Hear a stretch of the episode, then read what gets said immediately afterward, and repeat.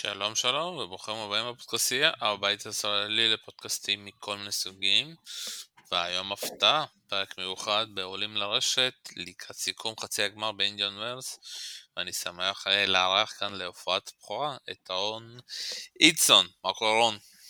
אהלן, מה המצב? טוב להיות פה. אז שמע, אנחנו ככה, ככה הזמנתי אותך ככה במיוחד כדי שנסכם ככה את שני המשחקים אה, ונתחיל קודם כל אה, במשחק של TFO מול מדוודר ואני אתחיל בזה, שמע, שמומנטומים אה, קשה לעצור, הבן אדם ב streak מטורף ואתה יודע, בינתיים חוץ מאלקרז שיחכה לו עוד מעט זה נראה שכאילו המומנט... הבן אדם חי על מומנטומים, אתה יודע, ועד שלא מוציאים אותו עם שפכטל, פשוט לא מותר לשחק. לגמרי, לגמרי, אבל אה, תשמע, הבן, הבן אדם גאון, אין מה לומר, הוא משחק בצורה כל כך כל כך חכמה. Uh, טיאפו, uh, גם שהוא שיחק במשחק הזה עם טניס באמת לא יאומן, מכות מטורפות. מדוודב פשוט, אתה יודע, לא, לא נתן לו כלום. זה היה לא יאומן. אבל לזה אני מאמין שאני אכנס עוד מעט למשחק עצמו. בוא, בוא נדבר באופן כללי, שמע, קודם כל תיאפו הגיע לפה די בקלות, אה, אפשר להגיד, הוא לא פגש יותר מדי יריבים מפחידים, אתה יודע, ניצל את ההגרלה שלו, אה, ואז כאילו אנחנו נכנסים לעניין הזה של מול מדוודיו, הוא נמצא בו בחיסרון, עד עכשיו הפסיד אה, בכל המשחקים, ורציתי לראות משהו שונה, אתה יודע, משהו שונה, איזשהו, אתה יודע, שיטה, גישה, טקטיקה, ובהתחלה לא ראיתי כלום. הם חיו יותר מדי, אתה יודע, מי יגיש בצורה טובה, אבל איך שלטיאפו, אתה יודע, הלך לו הסרף, והוא לא מתחיל להגיע לרשת, לדעתי שם נגמר המשחק. בסט הראשון בעיקר. כן, אני אומר לך איך אני ראיתי את המשחק, אני ראיתי שדווקא טיאפו שיחק יותר טוב ממדוודב מבחינת איכות מכות, פשוט הקבלת החלטות ש... שטיאפו שיחק איתן הייתה באמת נוראית, אני לא הבנתי את רוב ההחלטות שהוא קיבל. אה, שיחק את רוב הכדורים שהוא קיבל בצורה לא נכונה, הוא שיחק על זה שהוא פשוט, המכות שלו היו באמת באיכות מטורפת. הוא הלך על סיכונים סתם, באמת הוא שיחק ב, עם סיכונים ברמה מאוד מאוד גבוהה, לא הבנתי למה ברוב הנקודות, ובאמת מה ששינה לו את המשחק זה שהוא היכה סרב ועלה לרשת, מה שבאמת צמצם לו את האפשרויות של הקבלת החלטה, וכמעט הפך את הקבלת החלטות שלו לבינארית, לאם הוא עושה משהו נכון או לא נכון ברשת. שזה היתרון שנתן לו בעצם את רוב הנקודות בסט השני, שזה מה ששינה את המומנטום. בוא, אבל בוא נחזור לסט הראשון. אני מאמין שאתה מגיע למשחק הזה, גם הצוות המאמנים שלו דווקא אומרים לו, בוא תעשה את המשחק הזה כמו קרייסי, אתה יודע, או כמו שחקנים אה, סרף של וולי, ויש לו את הנתונים האלו, והוא דווקא נגרר למשחק מהקו האחורי, שזה טעות, אתה יודע, שזה טעות, כל אחד יודע שאתה לא משחק מול מדוודב מהקו האחורי, אין, אין טעם שם לעשות את זה. כן, אני מסכים איתך, אבל אה, שוב, אה, טיאפו שיחק טניס באמת, המכות שלו ברמה מאוד מאוד גבוהה, אה, ועם כל הכבוד לטיאפו, אני לא חושב שהוא בגובה של קרסי, או יש לו וולי טוב כמו של קרסי, או סרב כמו של קרסי, אז הוא לא באמת יכול לשחק בצורה הזו של סרבנט וולי. מה שהוא כן עשה בסט השני, אז אני חושב שמה שהוא חשב, שבעזרת האיכות של המכות שלו, הוא יוכל איכשהו לשחק עם מדוודב, שבאמת הטניס של מדוודב הוא לא היה בשיא, הוא עשה כמה טעויות לא מחויבות, אבל בגדול הוא, עשה, הוא קיבל את רוב ההחלטות נכון, מה שגרם לטיאפו להחטיא, לעשות טעויות סתם, ובסופו של דבר להוריד לטיאפו את הביטחון בסט הראשון. וגם מבחינה מנטלית, אם מדברים על זה, אה, טיאפו לא שאני עוקב באדיקות אחרי טיאפו, אבל אה, הוא, הוא לא נראה הוא ב, בכל המשחק הזה, הוא לא, הוא בדרך כלל הוא יותר chill, הוא מחייך, הוא, הוא יותר playful כזה, והוא ממש לא היה כזה, אפילו היה כמה כדורים בנט שפגעו ברשת ועברו לצד השני והוא אפילו לא אמר כלום, שזה לא מקובל בטניס, ואני לא חושב שהקשר שלו ושל מדוודב הם כל כך קרובים שהוא לא יאמר לו אפילו סורי על זה. נראה שיש שם משהו מאחורי הקלעים, אני לא יודע מה, אבל זה, ככה זה נראה פשוט מהצד. לא, את האמת לא, לא חושב שזה היה משהו, וזה דווקא לא הפתיע אותי. החוסר, אתה יודע, אם מדברים על הסט הראשון, אמ, ההתמקדות הזאת היא דווקא בסטאבים שלו, ואם נלך קצת דווקא על הצד ההגנתי, אה, שוב, רק בסט הראשון, אה, הוא לא, הוא לא עשה כמעט כלום בהגנה, כי כל, כל סב של, אה, והשאלה פה זה זה בגלל העוצמה של הסרף של מדוודיו, או בעיקר חוסר היכולת של מדוודב, של טיאפו להגיב או לזהות את הסרב? מה אתה חושב? Uh, כן, תשמע, בסופו של דבר ברמה הזאת, uh, ברמה של הסרב של מדוודב קשה מאוד להגיב ולזהות את הסרבים, והוא ניצל את זה לטובתו לגמרי. לא, אז אתה חושב שזה חוסר, כאילו, מה הבעיה פה אצל TFO? זה חוסר, כאילו, אה, היכולות שלו לא... הגנתית? זה לא עניין של חוסר, שוב, אה, בכל האינדיאן ווילס הזה, הראו סטטיסטיקה לפני המשחק, שטיאפו עומד מטר או פחות ממטר מאחורי ה baseline, שזה בטניס של היום זה בכלל טעות, אה, והרבה יסכימו איתי. שזה טעות לעמוד כל כך קרוב, כי העוצמות של היום הן פשוט פסיכיות, וברגע שאין לך זמן להגיב כשאתה עומד כל כך קרוב, זה בגדר הגרלה, מה, אם אתה עונה על ה serve או לא, ובגלל זה אתה תראה את רוב השחקנים, מדוודב לדוגמה, שהוא עומד 6 מטר מאחורי הקו האחורי. כן, אבל זה, זה, זה, הגזמה בינינו, זה הגזמה. אמ, אם זה היה הגזמה, הוא לא היה עושה את זה, עובדתית זה עובד. כן, שוב פעם, אבל זה כאילו, אתה יודע, אתה לא יכול לחשוב על עליו שכולם צריכים לעמוד 6 מטר מאחורי קו הבסיס, כי זה לא יעבוד. לא, אני לא אמרתי שכולם, גם לא כולם אה, יש להם, אה, הם תמנונים כמו מדוודב, אז אה, לא כולם לא, יכולים לעשות את זה, אבל כן, לעמוד מטר, לעמוד בתוך ה baseline זה הגזמה חד משמעית, וזה לא עבד לטיאפו עובדתית, ואתה תראה את רוב השחקנים היום, הם עומדים יותר רחוק מה baseline. המשחק הזה של לעמוד ממש קרוב, זה אולי הייתה מתוך מחשבה של אה, להיות יותר התקפי מול מדוודב, וזה מה שיעבוד מולו. בסט אמ, ראשון זה לא עבד, אה, עובדה. אבל אני, דווקא אני לא חושב שזה כאילו, אתה יודע, זה, זה לא משהו מיוחד מול מדוודב, הוא תמיד עושה את זה. ודווקא, אתה יודע, ההגעה שלו לכאן, אולי שוב פעם יש בו טריקיות, שהוא, כי הוא שיחק מול גירעון, קובלר, טבילו, וחוץ מטבילו, אתה יודע שקובלר וגירעון הם לא שחקני סרבים מעולים. וגם כשהוא ניצח את נורי ברבע הגמר, אה, זה לא, אתה יודע, זה שחקן שכן מסבב עם, יודע, עם היד השמאלית שלו, אבל זה לא סרבים כאלו כמו של מדוודב. אז אני חושב שכן יש פה איזושהי בעיה של אה, טיאפו, וזה כאילו מה, אנחנו הולכים פה גם, אתה יודע, לעניין הזה שנכנסים לנקודה. שמת לב שהוא, כאילו, לא יודע למה כל השחקנים בסבב מול מדוודב משחקים את הפאטרון הזה של ה-backend, backend, backend. וטיאפו לא יכול לשחק את הדבר הזה, כי הוא לא טוב. ואם אנחנו, אם אני אלך גם לסטטיסטיקה, אתה תראה את הכמות טעויות שלו בבקן ובסלייסים שהוא ניסה שם, זה כמות טעויות מטורפת, אבל הקטע שהוא ממשיך לעשות את אותה טעות כל פעם וכל פעם. כן, אה, זה בדיוק מה שאמרתי, טיאפו שיחק טקטית ממש ממש לא נכון. לא יודע מה קרה לו, או שיש לו הכוונה לא נכונה מבחוץ, או שהוא פשוט היה בלחץ מטורף והוא לא הצליח לחשוב. קבלת החלטות שלו בסט הראשון הזה, אם מדברים עליו, פשוט על הפנים. באמת, אני לא הבנתי את ההחלטות שלו, למה הוא בחר לשחק בצורה הזאת, ומדוודב, כמו שאתה אומר, הוא גם שיחק חכם בסופו של דבר, אי אפשר לקחת את זה עם מדוודב, הוא... הוא גרם לטעויות האלה של טיאפו, בוא נגיד את זה ככה שאם טיאפו היה נגדי, לא היה לו כל כך הרבה טעויות בבקאנד, אה, אז זה גם אי אפשר לקחת ממדוודב את זה. הוא באמת שיחק בצורה סופר חכמה, אה, יש לי עוד דברים להגיד, אבל זה אני אומר בהמשך. לא, אבל שוב אני חושב ש... שאתה מוביל על בן אדם 3-4-0, אתה יודע מה אתה צריך לעשות, ומדוודב בדיוק עשה את הדבר הזה. הוא ידע שהוא לא צריך להיות אגרסיבי מדי, הוא צריך להכניס באחוזים מאוד גבוהים את הסרב הראשון, אה, ואתה יודע, ולחכות לטעויות של אה, טיאפו, וזה באמת הגיע. ואז אני מגיע איתך לסט השני, ושם המשחק התהפך, וזה, אתה יודע, זה די מוזר, כי אני ככה מאשים במרכאות את מדוודב, כי הוא יכל לשבור כמה פעמים, גם ב-4-3, גם ב-5-3, ועל, אתה יודע, על דברים קטנים, כאילו, או לעשות לוב, או, לא, או לבחור את הפינה האחרת שתהיה פה ברשת, והוא לא הצליח, ואז פעמיים הוא נשבר שם, וזה קרה לו כבר פעם שנייה בטורניר הזה, קרה לו גם מול זוורב, וזה די מפתיע. פעם ראשונה שאתה נשבר זה עוד סבבה, פעמיים באותו סט, ושהוא לא מצליח להכניס את הסרב הראשון. אה, וגם אם תסתכל כאילו מבחינת הסרבים שלו, בסט השני, ה-T אה, לא עבד לו כמעט, שזה די מפתיע, כי זה אחד הדברים שמדוודב אוהב להפתיע עם הסרב ל-T, והוא חיפש, ודווקא הנקודות שהצילו אותו, זה שהסרב ל-wide נכנס דווקא ביתרון.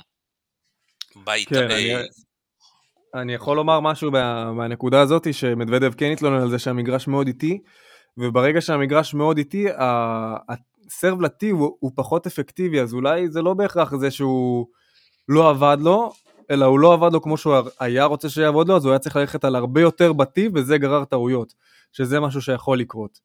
אמ, שוב, המגרש סופר איטי, הקפיצה יותר איטית, אז serve ל T לרוב אנחנו הולכים כשאנחנו רוצים ace, או ממש לשים את היריב ב stretch, ובגלל שהמגרש שם סופר סופר איטי, זה לא, לא סופר אפקטיבי אם אתה הולך על זה ברמה שהיא לא יותר מדי, ומדוודב באמת היה כנראה צריך ללכת על יותר מדי בטי הזה, ובגלל זה לא הלך לו. ואם אנחנו הולכים, איך אתה מסביר את החוסר סגירה הזה של המשחק? כי הוא נכנס ללחץ זה... סתם, סתם מעצמו, אין פה איזושהי אה, סיבה. זה פחות קשור למדוודב את האמת, אה, טיאפו פשוט, כשהוא היה עם הגב לקיר הוא לקח סיכונים פסיכיים, כמו שכבר אמרתי. אה, אם אני לא טועה ב match point או ב set point, אני לא בדיוק זוכר מה זה היה, הוא פשוט הלך על כדור פצצה לחיבור. החלטה סופר הזויה, מדוודב היה בפינה אחרת, והוא פשוט הלך על winner במקום ללכת על כדור יותר פשוט. טיאפו פשוט הלך על כדורים סופר מסוכנים שב money time עבדו לו ומדוודב ב money time שוב יש לחץ אז הוא לא, קשה לחשוב ב-100% שאתה בלחץ אה, ואתה יכול בעיקר להגיב אז מדוודב פשוט הגיב בצורה פחות נכונה אני לא ראיתי את המשחק עם זוורב אני לא יודע מה הלך שם אבל אני כן יכול לומר שמה שהיה עם טיאפו עכשיו אה, זה פשוט טיאפו שם עליו יותר מדי לחץ. מזל, שוב, היה, היה לו מזל פשוט לטיאפו, זה מדוודב לדעתי ברוב המכות, רוב הסיטואציות האלה ינצח, עובדה הוא ניצח את המשחק. אבל בואו בוא נדבר על לחץ, אתה יודע, אחד הדברים שאנחנו כצופים אומרים, אה, לסגור משחק זה די קל, אבל אתה יודע, לאורך ההיסטוריה אנחנו רואים שחקנים גדולים שמתקשים לסגור משחקים, מדוודב זה כבר, אתה יודע, לא פעם ראשונה שהוא אה, לא מצליח לסגור משחק, גם נובק במצבים של 5-3, 5-4, היו תקופות שהוא לא הצליח לסגור, הוא נשבר, הגיע לשובר שוויון, זה פטרון שזה די חוזר. אה, יש לך ככה הסבר למה זה קורה עדיין ב- לשחקנים כאלה גדולים ברמות כאלה גבוהות?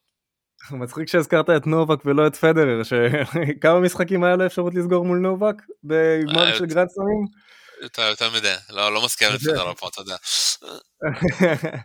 אז אה, כן, תשמע, לסגור משחק זה עולם אחר, אני לא פסיכולוג, אני אבל כן חוויתי לא מעט אפשרויות סגירה, וכשהייתי קצת יותר צעיר, אני יכול לומר מניסיון אישי שלי, לא הייתי מצליח לסגור משחקים אף פעם, עד שלקחתי מאמן מנטלי, פסיכולוג, תקראו לו איך שאתם רוצים, אה, ואחרי העבודה איתו באמת פתאום הצלחתי לסגור יותר משחקים, ועליתי ממש לדירוג שלישי בנוער, ממקום 100 לשלישי בנוער זה ממש לא רע.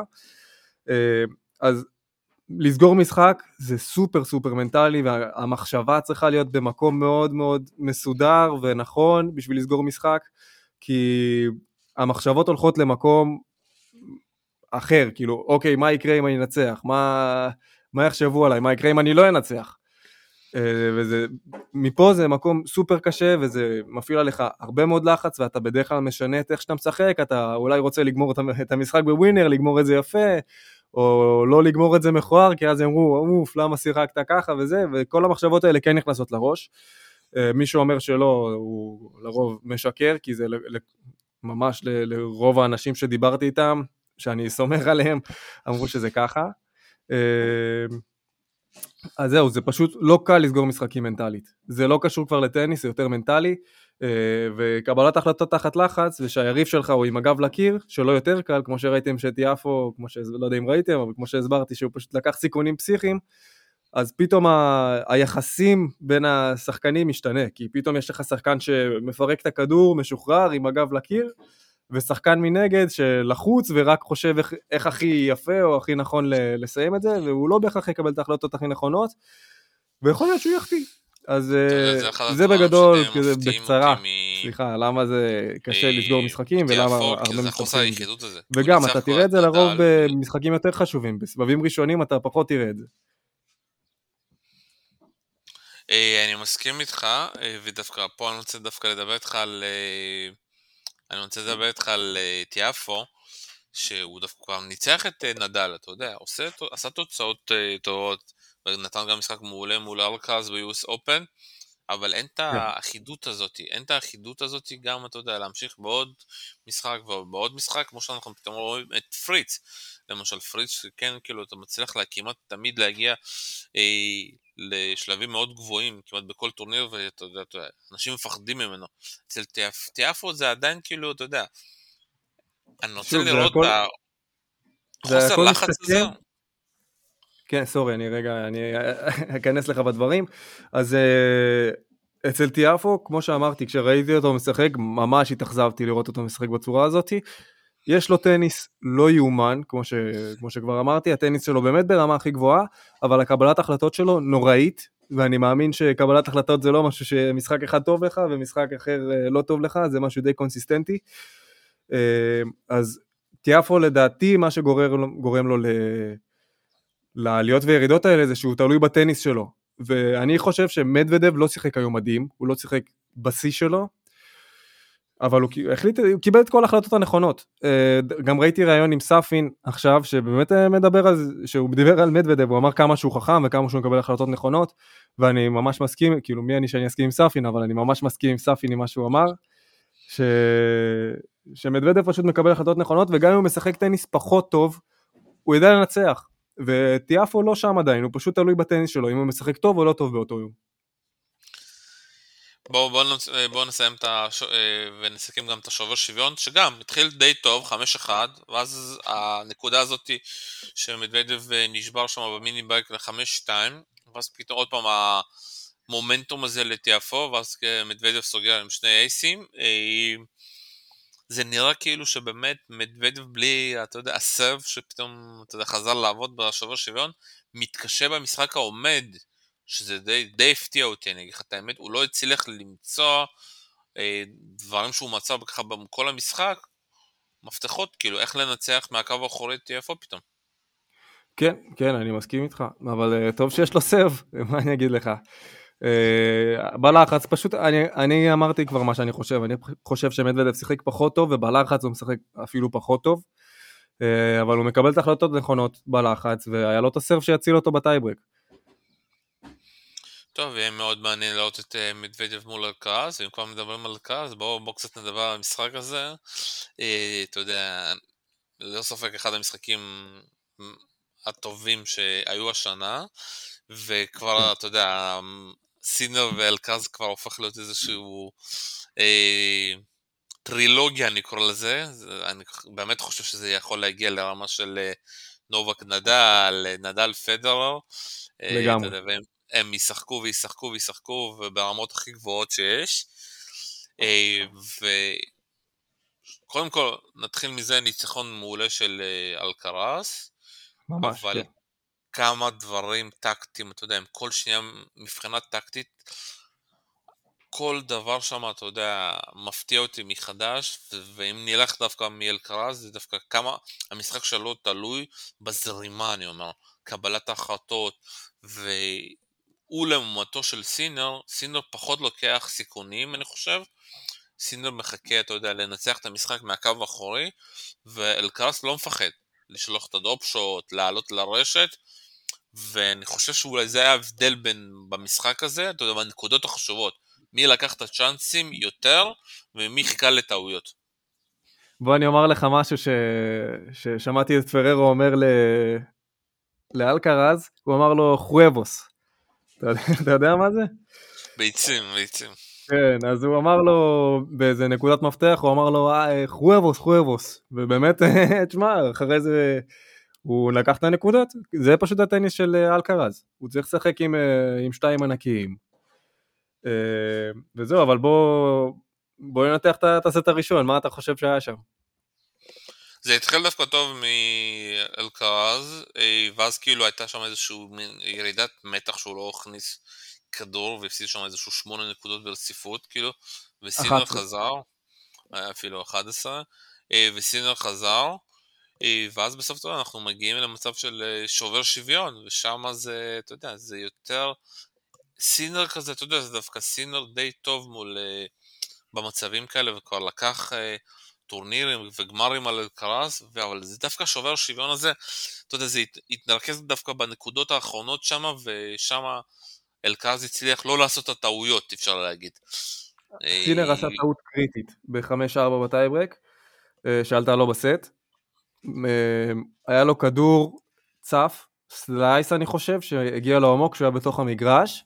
במקום לקחת את זה drive volley ולקצר לאלקרז את הזמן תגובה שלו, הוא נתן לו לנחות, ואז הוא היה צריך לרוץ אחורה, ואם אני לא טועה הוא החטיא את הכדור הזה. אה, אז זה טעות, שוב, כמו שאמרתי, לחץ, קשה לחשוב כמו שצריך.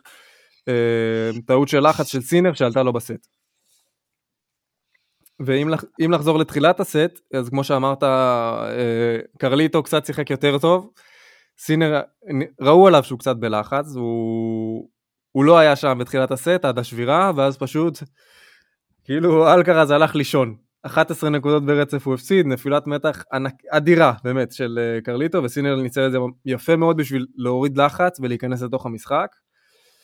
אה, וככה זה היה עד סוף הסט, לדעתי סינר שיחק טניס הרבה הרבה יותר טוב מ... מ... כן, אבל כשאתה אומר לא. טניס יותר טוב, מה, מה זה אומר טניס יותר מדי טוב? זה טניס שאתה יודע, הוא מכניס את הסרב הראשון, אה, עומד שמה, בריטן הוא מחכה, כאילו זה, הרוב זה טעויות של אה, אלקרז, הוא לא, אתה יודע, זה לא מצבים שהוא מצליח, אתה מצ... הוא מצליח לבנות את הנקודה בצורה, אתה יודע, כאילו להשאיר את אה, אלקרז אה, ללא פתרונות. זה לדעתי כאילו סינר דווקא במשחק הזה חי יותר מדי על הטעויות של, של קרליטוס. אה, אני לא חושב שזה כזה נכון, כי פשוט אם תסתכל על זה, בוא אני אתן לך insight על סינר, אם אתה נותן לו שתי מכות לאותו אזור, נגמרה הנקודה. כאילו ממש 99% מהפעמים, אם הוא מקבל פעמיים אותו כדור לאותו אזור, נגמרה הנקודה. זה ייגמר או ב winner או, ב unforced, או ב forced של היריב. אה, ואלקרז ידע את זה, והוא שיחק יפה מאוד עם ה... כמו שאמרת, עם, ה, עם הטאצ'ים, עם הזוויות, שזה מה ש... מה שהוא לא עשה בסט הראשון והתחיל להכניס בסט השני, או שהוא ניסה לעשות ולא הלך לו, כי הוא באמת, הוא נרדם שם על נפילת מתח. אה, אז המשחק הזה היה מאוד מעניין בבחינה הזאת שאיך אלקרז גורם לסינר לא להכות שתי, שתי כדורים מאותו אזור, כי אם הוא עושה את זה נגמרה הנקודה, ואיך הוא צריך לגוון, וכמה סיכונים וכמה הוא צריך ללכת על יותר בשביל שסינר לא יגיע למקום הזה, ועוד במיוחד שסינר משחק כל כך כל כך טוב, שהוא באמת הפציץ שם כדורים, 150 אה, קמ"ש פורנד, 140 בקאנד, כאילו מהירויות שמי שמע עליהן בכלל. אין בעיה, אה, אבל אני עוצר אותך, אבל תשים לב, זה הכל, הכל זה שליטה של אלקרז. מה שאלקרז נותן אתה מקבל. אה, אני נותן, אתה יודע, יש הרבה שחקנים שסינר מתקשה בהם. אחד מהם זה מדוודב, המאזן שם כבר 5-0. וזה על אותו דבר, שהוא לא יכול לשחק, לנצח את השחקנים כמו אלקרז וגם את דניל מההגנה. הפעמים כן. שהוא ניצח את אה, אלקרז באומאג וגם בווימבלדון זה דווקא בגלל ההתקפה ושאלקרז הפך להיות הגנתי מדי, אתה יודע. כן. וזה, וזה מלחמה מאוד קשה של סינר במשחקים הבאים, ואתה רואה גם במשחקים האלו פה, אה, להיות יותר התקפי ופחות הגנתי. כי בסוף אתה יודע, ביום נתון אתה יכול להגיד סינר זה אחד השחקנים הכי טובים הגנתית, אה, אתה יכול להגיד. אבל במשוואה, אה, במשוואה הזאת שלא מול מדוודב, מול אה, אלקרס ואפילו להגיד מול אה, נובק, אתה יודע, נובק לא יחכה ולא לא ירצה להיות בצד המגן, הוא רוצה להיות בצד התוקף. פה סינר נמצא בבעיה וגם אה, אה, נמצא בבעיה, כי הסגנון הזה, ואתה יודע, גם דארן קייהיל בבעיה, כי הם צריכים פה לשנות, הם צריכים להבין ש... אם סינר ירצה לנצח, הוא צריך להיות היותר היוזם. כן, אה, חד משמעית, אבל אה, שוב, הוא עדיין צעיר מאוד, אה, הוא משחק טניס ברמה סופר סופר גבוהה.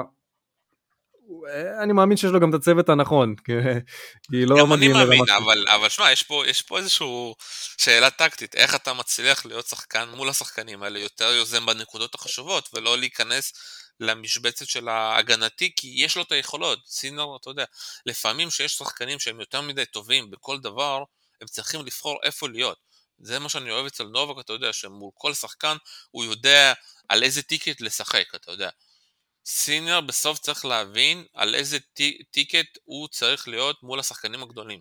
אם הוא ייקח את ה ticket של השחקן ההגנה ולחכות לטעויות, בטווח הארוך, זה לא יביא אותו להצלחות. Uh, אני לא יודע עד כמה זה נכון לומר על uh, סינר שהוא מחפש רק uh, להגן, כי אם אתה משחרר forehand עם 150 קמ"ש והממוצע שלך זה 122 קמ"ש forehand, אתה לא יכול. לחשב הגנתי.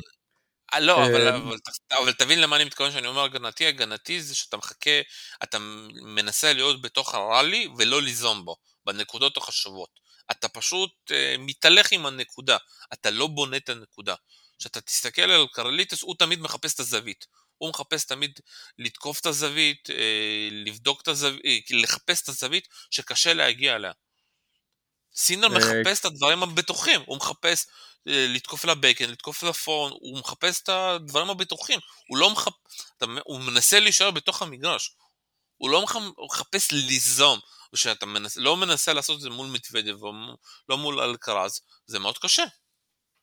כן, נכון, אני מסכים איתך. בואו נעבור לסט השני, שגם התחיל עם אה, שבירה על ההתחלה של אה, אלקרז, כמה נקודות מטורפות, אה, ובואו נדבר קצת על הגיוונים של אלקרז ב serve.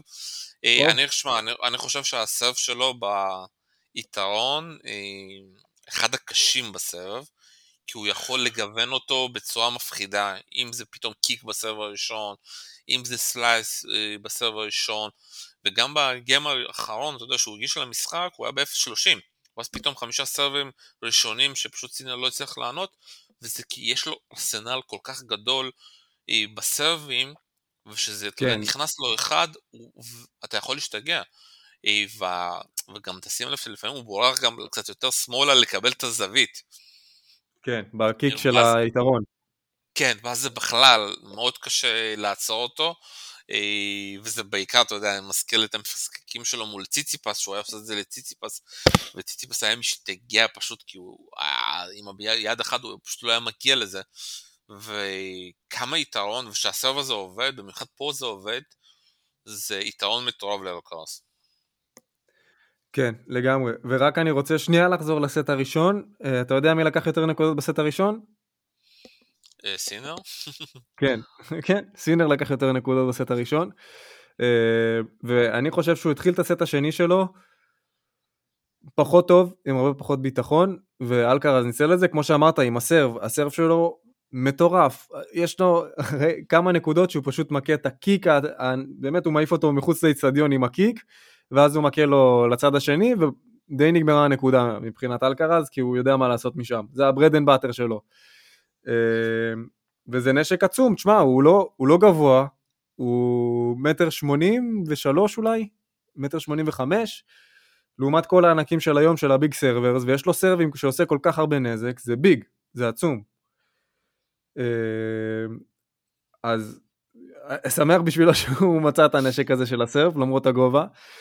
אמ, וגם... זה עבודה, זה עבודה, שוב פעם, זה עבודה מגיל קטן, אתה יודע, זה פרויקט של פררו מגיל 14, הוא לקח את אה, קרליטוס והם עובדים, אתה יודע, מבחינה טכנית, אתה יודע, שאתה יכול להגיד שקרליטוס מטורף, אתה יודע, בסוף, אה, האם הוא כן. יגיע לאן שהוא רוצה, זה תלוי כמה, כמה פציעות הוא יופצע ובאיזה שלב, כי הבן אדם, אתה יודע, הקצב שהוא משחק, נפצע כל חמש דקות. כן, כן. זה מאוד מסוכן. דרך אגב, אה, הסמינר שלי אני עושה על, אה, על בחירת תחרויות, סמינר בכלכלה. היה לי מרצה גבר שהלך איתי ואמר לי, אין בעיה, תעשה על טניס, אבל כל עוד זה עם מודל כלכלי. אז uh, עשיתי מודל שמודד כאילו כמה, כמה עייפות משפיעה על, ה, על, ה, על התוצאות שלך, כמה נקודות אתה יכול לעשות, כמה כסף אתה יכול לעשות פר טורניר. אז uh, מה שקרה שנה שעברה לקרליטו, אה, דיברתי עם, אה, עם ממש בכירים מה, מהפיזיולוגיה בארץ, אז הוא גילה שיש לו אפשרות להיות ראשון בעולם, והוא פשוט העמיס על עצמו תחרויות ברמה לא הגיונית, שזה הוביל לפציעה הראשונה שלו בבטן. אה, ומאז זה שרשרת שלו נגמרת, כן? אז עכשיו הוא באמת יצטרך לבחור בקפידה מאוד את התחרויות שלו, כי... ולא להעמיס על עצמו פיזיולוגית, כי זה מה שהוא עשה בשנה שעברה, ואני מקווה שהוא למד מהטעויות האלה.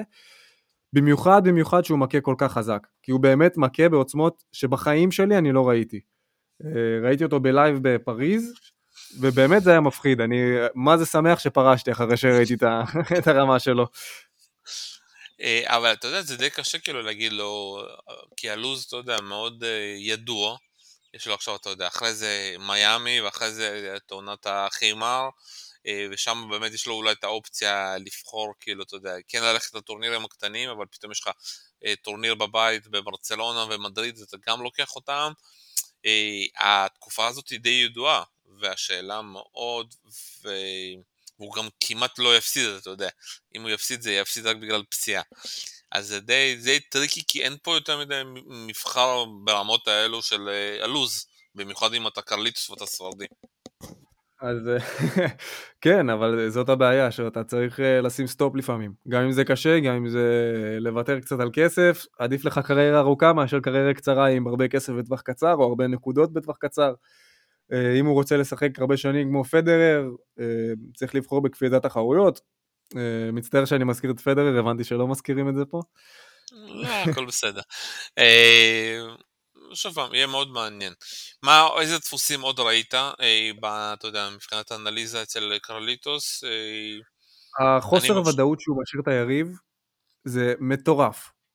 עזוב את זה שהוא פותח זוויות והוא מכה כנראה הכי חזק בסבב,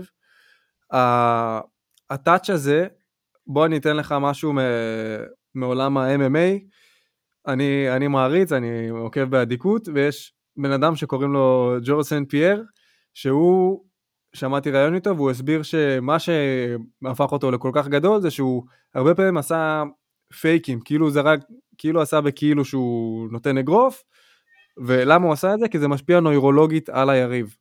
אה, נוירולוגית היריב פחות מוכן, או הוא עייף, ואז כשקורה משהו באמת, אז הוא מפספס את זה. אז אם משליכים את זה על הטניס, אז היריב כל הזמן מוכן לטאץ' מאלקרז. שזה מאוד מאוד קשה להתרכז בכל כך הרבה דברים. לעומת שחקנים אחרים שהם לא עושים טאצ'ים בכמויות כאלה. אם ניקח גם את גסטון, שהוא מטר ובמבה, והוא מנצח שחקנים רק בזכות הטאצ'ים שלו, והגיוון הזה הוא גומר אותם נוירולוגית.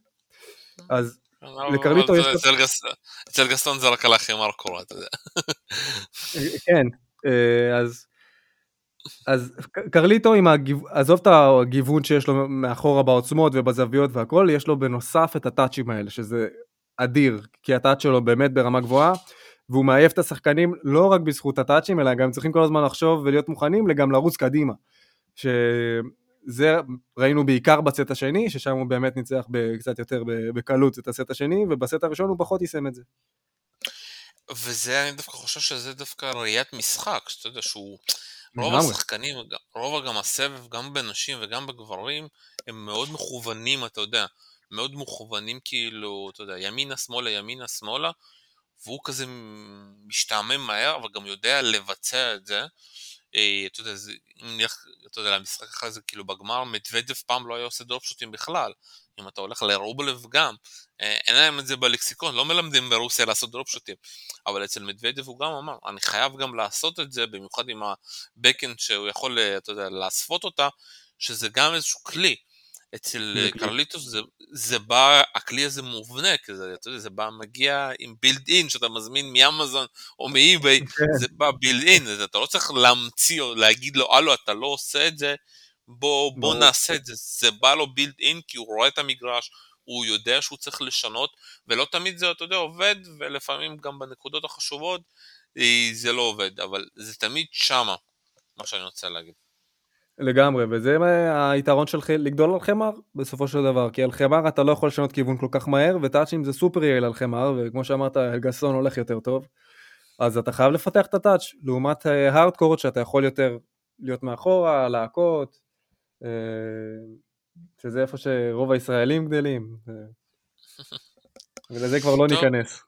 טוב, יאללה, בוא נדבר על הגמר. אה, גמר מאוד מעניין, אה, קרליטוס מול מדוודג'ב, פעם ראשונה שהם נפגשים, אה, שקרליטוס כבר, אתה יודע, בטופ. הם נפגשו בווימבלדון, היה משחק מאוד מעניין, אתה יודע, על הדשא, שעוד קרליטוס ככה ניסה להבין איך משחקים בסבב. וזה באמת כאילו, וכבר אז כאילו היה קשה מאוד לדניל. ושמע, זה משחק מאוד מעניין. מאוד כן. מעניין. כי לגמרי. זה ש... שני ניגודים של, אה, של המשחק הטניס, אתה יודע, מצד אחד הניגוד של הטניס היפה, המעניין וכולי, ומצד שני אה, דניל כזה עם הרצף שלו, ופה הוא יצטרך שוב פעם מאוד מאוד את הסרף שלו, יצטרך באמת כאילו לא להיכנס למצבי לחץ, ויהיה שוב פעם מאוד, מאוד מעניין, דווקא אתה יודע בריטרנים, אני כזה מסתכל בריטרנים, כמה אה, אלקרז הצליח לזהות את ה serve הראשון של מדוודב, וב serve השני הוא פשוט יתפוצץ עליו, ייכנס קדימה, אה, ו, וגם מעניין אותי לראות, אתה יודע, בגלל שדווקא אה, ה serve wide של אלקרס כל כך טוב, אבל דווקא ה backhand של מדוודב ממש טובה. והוא, אתה יודע, הוא, אין לו בעיה להגיב כאילו בריטרנים, אז יהיה מאוד מעניין איזה, אתה יודע, על איזה טקטיקה ילכו הצוות של אלקרז, על כמה הם הולכים לכיוון של הבקאנד של מדוודב, או שהם כן הם ילכו לטי יותר, כמה קיקים הוא יעשה שם, זה החלטות, אתה יודע, של אה, מאוד חשובות, אני רוצה להגיד לך, שכאילו באים ומתכוננים למשחק מול מדוודב. אה, אם אני אתחיל מהסוף, אני חושב שהרצף של מדוודב אה, ייפסק מחר. אני לא רואה עם הטניס שמדוודב הציג היום איך הוא מנצח את אלקרז. אני לא חושב, שזה, אני לא חושב שזה, שזה קשור אחד לשני. המדוודב הוא לא קשור ליום שהוא משחק. כאילו, הוא לא צריך לשחק ממש טוב כדי לנצח לאבא. אה, זה שוב פעם, זה מהזיכרון שלי, שאני ככה עוקב אחריו. אה, הוא שחקן שהוא שחקן תכלס של מצ'אפים. אם המצ'אפ טוב, כמו שמול סינר, לא משנה באיזה כושר סינר הגיע, אה, מדוודב גם בכושר הכי גרוע שלו, בגלל שהמצ'אפ טוב, אז מדוודב ינצח, אתה מבין? אה, ככה כן, זה קרה לו גם עם באוטיסטה הגות, שהיום מגיע נגדו בכושר ממש טוב, ואז היה מפסיד לו. אם אני, לא זוכר, אם אני זוכר נכון ככה, אולי זה 4-1 או לבאוטיסטה הגות כזה. או שגם לאורקז, כאילו, לא משנה באיזה כושר מדוודיו הגיע, אבל המצ'אפ הזה של אורקז מדוודיו מפריע לו ולא טוב לו, אה, ואתה יודע מה משותף ככה לאורקס ו... ולעוד שחקנים שמדוודיו שונא? מה משותף? עליות לרשת. עליות לרשת, הוא שונא שחקנים שסוגרים לו זוויות, הוא שונא שחקנים. וזה הולך להיות מבחן מאוד גדול כמה אלקרז יצליח לעלות לרשת. הוא יצליח לעלות הרבה מאוד לרשת, ועזוב את זה, גם אם הוא לא, הוא לא יעלה לרשת, ל... לאלקרז יש פשוט כל כך הרבה כלים, שאני לא חושב שזה רלוונטי כמה, זה כן רלוונטי, אבל זה לא, לא זה יקבע את המשחק. אני חושב שאלקרז ישתמש בטאץ' הרבה מאוד. אם הוא לא ישתמש, אני לא רואה סיבה שהוא לא ישתמש, כי מדוודב פשוט עומד כל כך רחוק מהקו האחורי, וברגע כן, שמדוודב... אז סבבה, אתה, אתה הופך את המשחק הזה למשחק של uh, מתקות, אתה יודע, של... Uh, אין פה איזושהי ודאות, שגל, כי מדוודב מגיע לכל דרופשים. אין בעיה, שיגיע, אבל אז הוא יצטרך לשנות את המיקום שהוא עומד בו ב baseline, כי הוא לא יכול לעמוד לא יותר רחוק ולהגיע לכל כדור. ואז אה, אתה לא- יודע, יש לך לא מישהו שמפציץ. אבל אני לא זוכר אם שמת לב לסטטיסטיקה הזאתי, הוא מתחיל ב-6 מטר, בנקודה נכון. השנייה הוא מתקדם ל-4, ובנקודה השלישית הוא כבר ב-2 מטר. שמת לב לסטטיסטיקה הזאתי? כן, כן, שמתי לב. אז... אה, אני לא יודע עד, עד כמה הוא יספיק להגיע לכדור השלישי, אני אומר לך את האמת. כי אם הסטטיסטיקה הזאת גם תלויה באיך שהיריב מגיב לך. אם עכשיו אה, בוא ניקח דוגמה, אם אני ביתרון ואני אלקרז ואני מגיש לו קיק שהוא יצטרך ללכת לא 6 מטר אלא 8 מטר אחורה והצידה, לא יעזור לו, כי כדור שני הוא יקבל לצד השני והוא יצטרך לרוץ בערך... אין בעיה, אבל זה יצליח, אבל זה יצליח אולי ב-0-0, ב-15-0, האם זה יצליח בנקודות החשובות, ב-45, ב-30-40? חד משמעית. חד משמעית, כי זה bread and butter, זה לא, עניין של לחץ פה אפילו, זה... מה ש... איך שאלקרז משחק, תמיד. זה לא, זה לא עניין של אם הוא מרגיש טוב באותו יום או לא מרגיש טוב באותו יום, זה משהו שתמיד עובד לו. ו kick זה, זה מכה שהיא עם כמעט בלי זה... סיכון, אז... זה כן. אני מסכים איתך, אבל בסוף, אתה יודע, השאלה פה בזמני לחץ, מה כל אחד יעשה. וגם אלקרס עושה טעויות בזמני לחץ, כמו שהוא נשבר פה בירידת מתח, ואתה יודע, גם במשחקים אחרים. זה לא שאתה יודע, אלקרס לא עושה טעויות. השאלה לאורך זמן, לאורך הזמן, גם מדוודב עושה טעויות, מי יצליח לעמוד בלחץ ומי ינווט לכיוון שלו. אז בגלל זה אני אומר לך שאני חושב שהשאלה הראשונה שנשאלת פה, עד כמה הסרב של מדוודב יעבוד טוב. ועד כמה אה, אלקרס יצליח לזהות. כי... כן. כי שוב פעם, בריטרן זה דווקא, שוב פעם, בסרבים של אלקרס זה תלוי בו.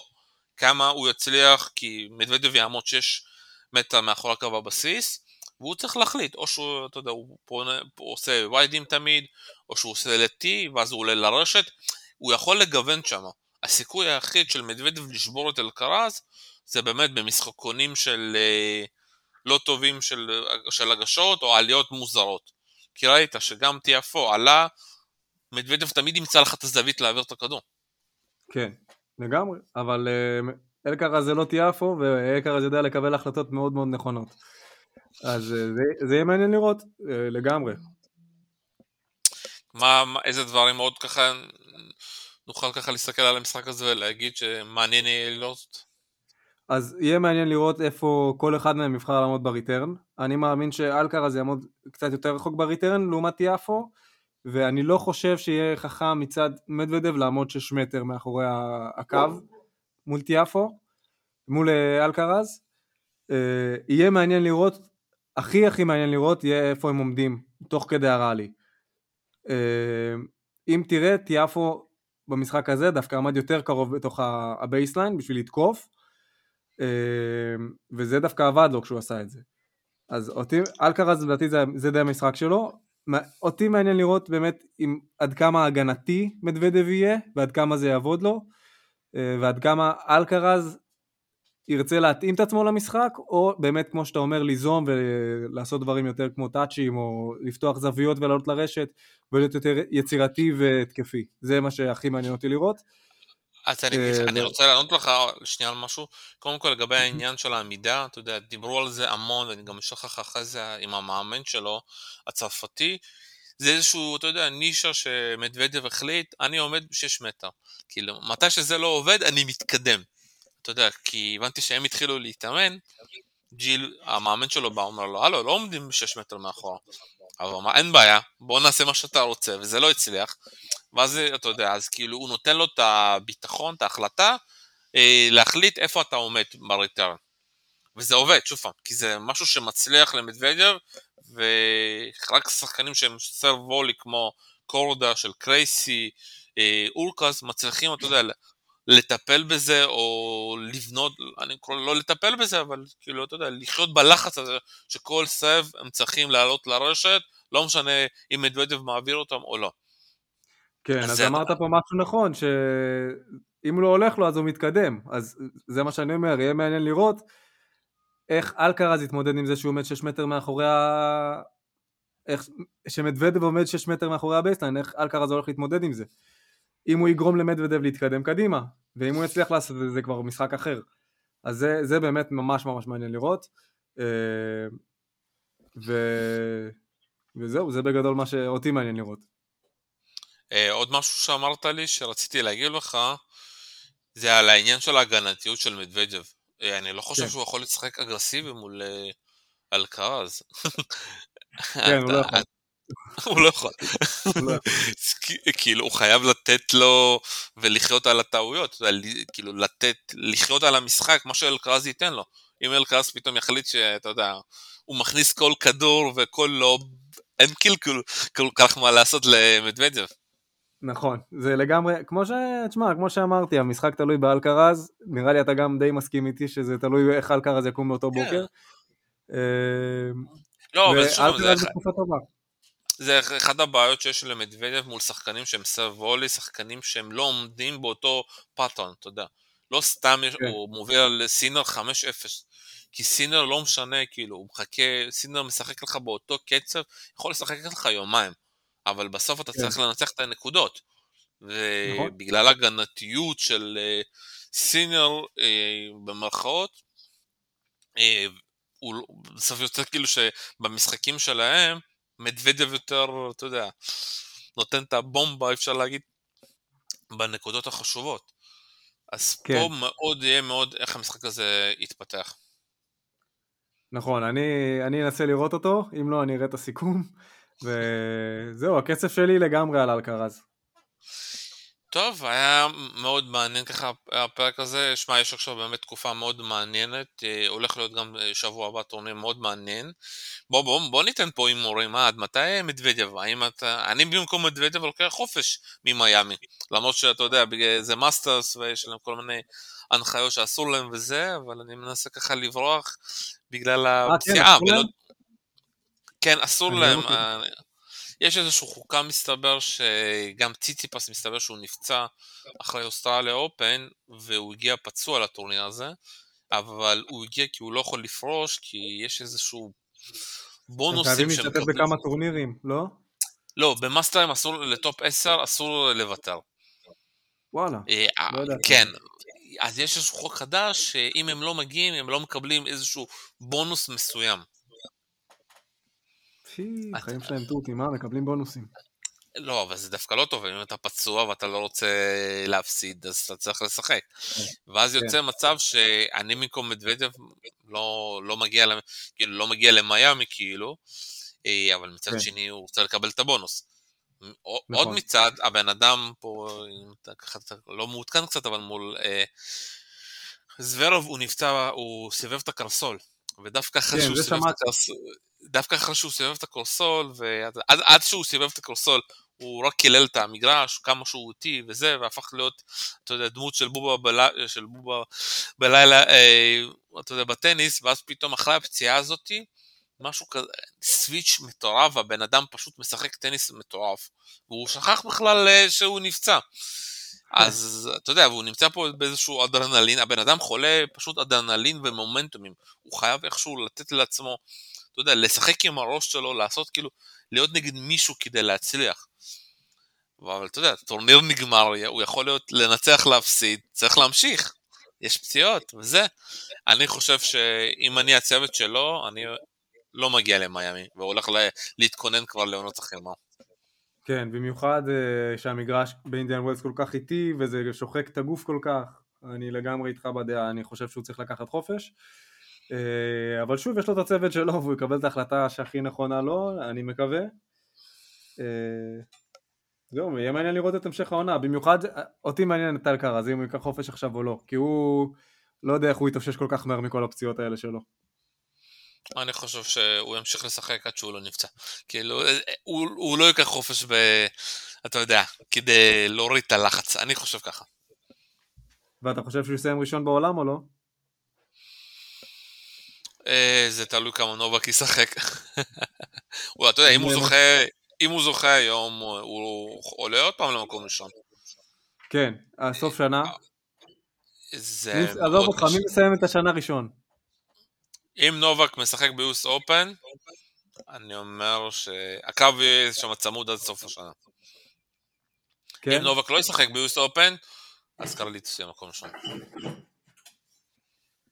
מעניין, אני חושב שאלקרז. דרך אגב, אתה ראית שחקן שקוראים לו פילס? כן. אני גם, אני, אני, אני בדרך כלל טוב ב, בלזהות שחקנים, אני חשבתי שסינר יהיה ראשון בעולם, ואז אלקרז הגיע, אה, ועכשיו יש עוד שחקן שקוראים לו פילס, צרפתי, אני ממש ממש אוהב אותו, אני לא חושב שהוא יהיה ראשון בעולם, אבל הוא משחק ממש חכם, והוא רק בן 18 או 19. אה, אבל זה, זה, זה הדור השחקנים החדשים, שהם בנויים יותר פחות על כישרון ויותר על אתלטיות. זה שחקן אתלטי ברמה מפחידה בגיל 18, אבל אתה יודע, זה לא סתם. אם אתה תלך עכשיו לכל קבוצת כדורסל, כל קבוצת כדורגל, ככה, ככה גדלים השחקנים הצרפתיים. מטורף. המבנה שם, איך שהכל מסודר, כל הספורט במדינות האחרות, איך, איך יש תוכנית מסודרת והכל עובד. אה, טוב, יאללה, וכאן אנחנו נסיים. אה, רון אידזון, תודה רבה לך. תודה לך, שלום. כאן היה שלום סיונו, ותודה רבה שהזנתם לעולים לרשת. ביי ביי. להתראות.